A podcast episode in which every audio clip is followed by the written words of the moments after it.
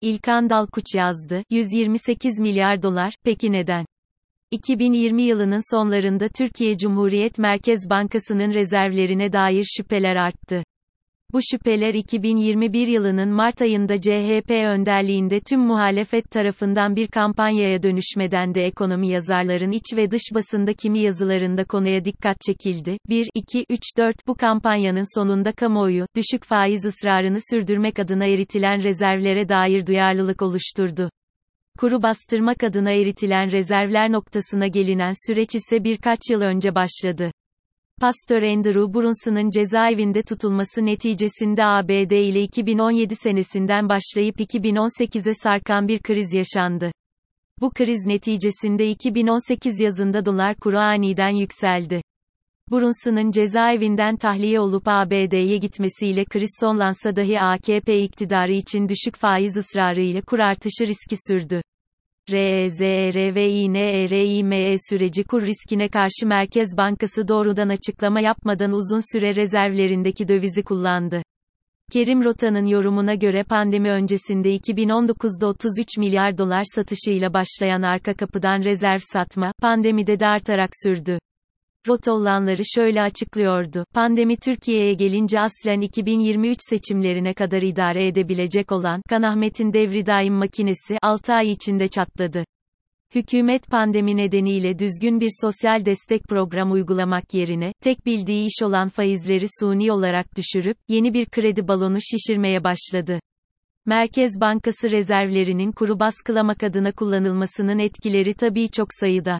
Tayyip Erdoğan'ın faiz sebep, enflasyon netice teorisine uygun şekilde düşürülen Merkez Bankası faizlerinin neticesinde döviz kurunun artmasının enflasyonist ve psikolojik etkisini yenmek için bu rezervler kullanıldı. Rezervlerin kullanılmasının, Türkiye'nin kredi risk priminden emlak fiyatlarına çok sayıda etkisinin de konuşması gerekli. Bu etkiler arasında yeterince konuşulamayanlardan birisi ise Borsa İstanbul üzerindeki etkisi. Sabah gazetesinin haberine göre, TCMB rezervlerinin eridiği süreçte aynı zamanda bunlar da yaşandı. Türkiye Sermaye Piyasaları Birliği TSPB verilerine göre borsada 2018'de %35, 2019'da %39 olan yerli yatırımcının hisse senedi portföyündeki payı, 2020'de %51'e, 2021'de %60'a, bu yılın Nisan sonu itibarıyla ise %64'e çıktı. Yabancı yatırımcının 2018'de %65 olan payı ise %36'ya kadar geriledi. 5 Borsa İstanbul'daki yabancı payının bu kadar kolayca ve hızla düşmesinin eriyen rezervlerle birlikte okunması doğru olacaktır.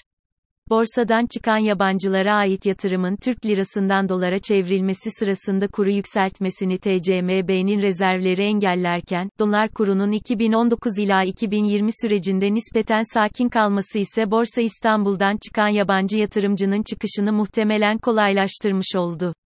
Kurun normal şartlardaki yukarı yönlü hareketi borsadaki yabancı yatırımcıların çıkışlarını frenleyebilecekken bu doğal fren mekanizmasını rezervin eritilmesi işlevsiz kıldı. Yabancı çıkışı Borsa İstanbul ile de sınırlı kalmadı. SWAP ve bono piyasalarından da yabancı çıkışı için uygun patika inşa edilmiş oldu. Yine döviz cinsinden borçlu şirketler, pozisyonlarını bu süreçte güvence altına aldılar. Dikensiz piyasalar ekonomik olarak 128 milyar dolar nerede sorusu çok soruldu. Ancak bu sorunun nispeten eksik kalmış bir tarafı daha vardı. 128 milyar dolarlık rezervin eritilmesinin tek sebebi kuru ve dolayısıyla enflasyonu baskılamak değildi.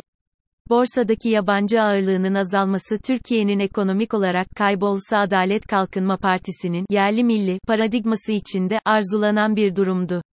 1990'lardan itibaren Avrupa Birliği'nin, Avrupa Konseyi'nin, uluslararası teşkilatların Türkiye'deki etkisinin bir termometresi olarak görüldü borsa. 2008 senesinde Adalet ve Kalkınma Partisi'ne açılan kapatma davası sırasında AB Komiseri Olli Ren, AK Parti kapatılırsa, AB-Türkiye ilişkileri kesilir, 6 açıklamasının ardındaki somut güç unsuru olarak borsadaki yabancı ağırlığı sayılabilir. Adalet ve Kalkınma Partisi'nin iktidarını mutlaklaştırmaya çalıştığı süreçte Borsa İstanbul'daki yabancı ağırlığını da önündeki engellerden birisi olarak gördüğü düşünülmelidir. Türkiye'deki şirketleri değerleri hilafına yapılan bu tercih neticede Türkiye'nin fakirleşmesine neden olsa da Erdoğan yönetiminin Batılılara karşı çok rahatça sert tavır alabilmesinin maddi temellerinden birisi oldu. Nokta. Örneğin Erdoğan, Osman Kavala hakkında açıklama yapan 12 büyükelçiye karşı tepkisinin olumsuz sonuçlarının Borsa İstanbul'daki yabancı ağırlığı doğru orantılı olduğu açıktır. Bugün Erdoğan'ın nispeten fevri çıkışları rahatlıkla yapmasının ekonomik temeli de dikkate alınmalıdır. AK Parti iktidarını mutlaklaştırdığı süreçte borsadaki yabancı ağırlığın önündeki engellerden birisi olarak gördü. Bu tercih Türkiye'yi fakirleştirse de Erdoğan'ın batılılara rahatça tavır alabilmesinin maddi temellerinden birisi oldu.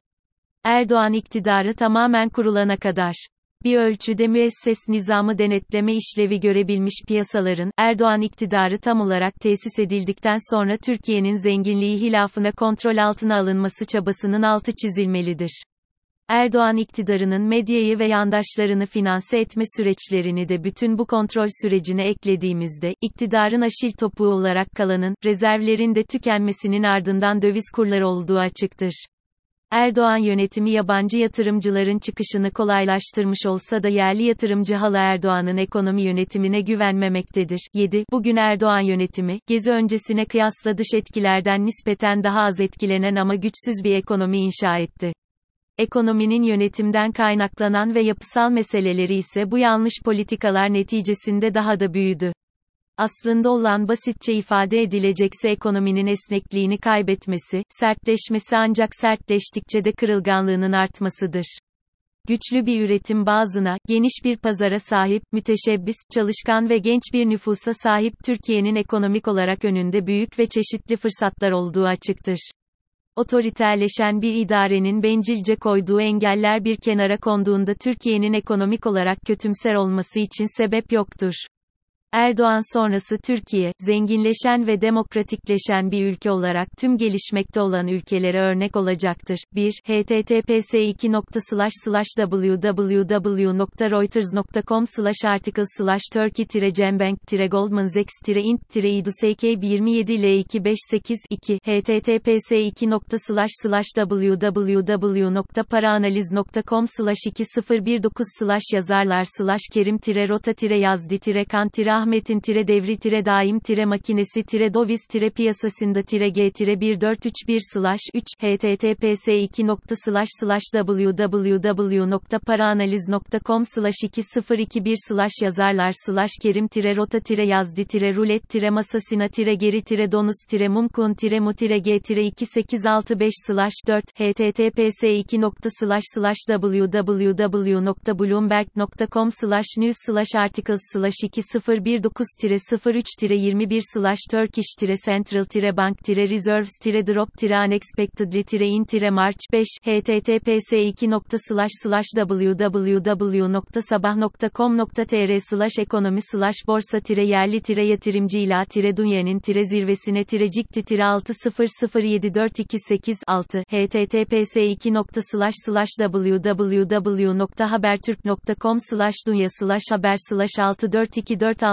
6-abay-akbayı-kapatma-davasi-damgası 7 https 2 tr.investing.com analisis slash kur korumel mevduatta 5 ay geçti son durum ne dolar tel nasıl 1 yol zileyecek 2 0 0 4 8 8 1 5 9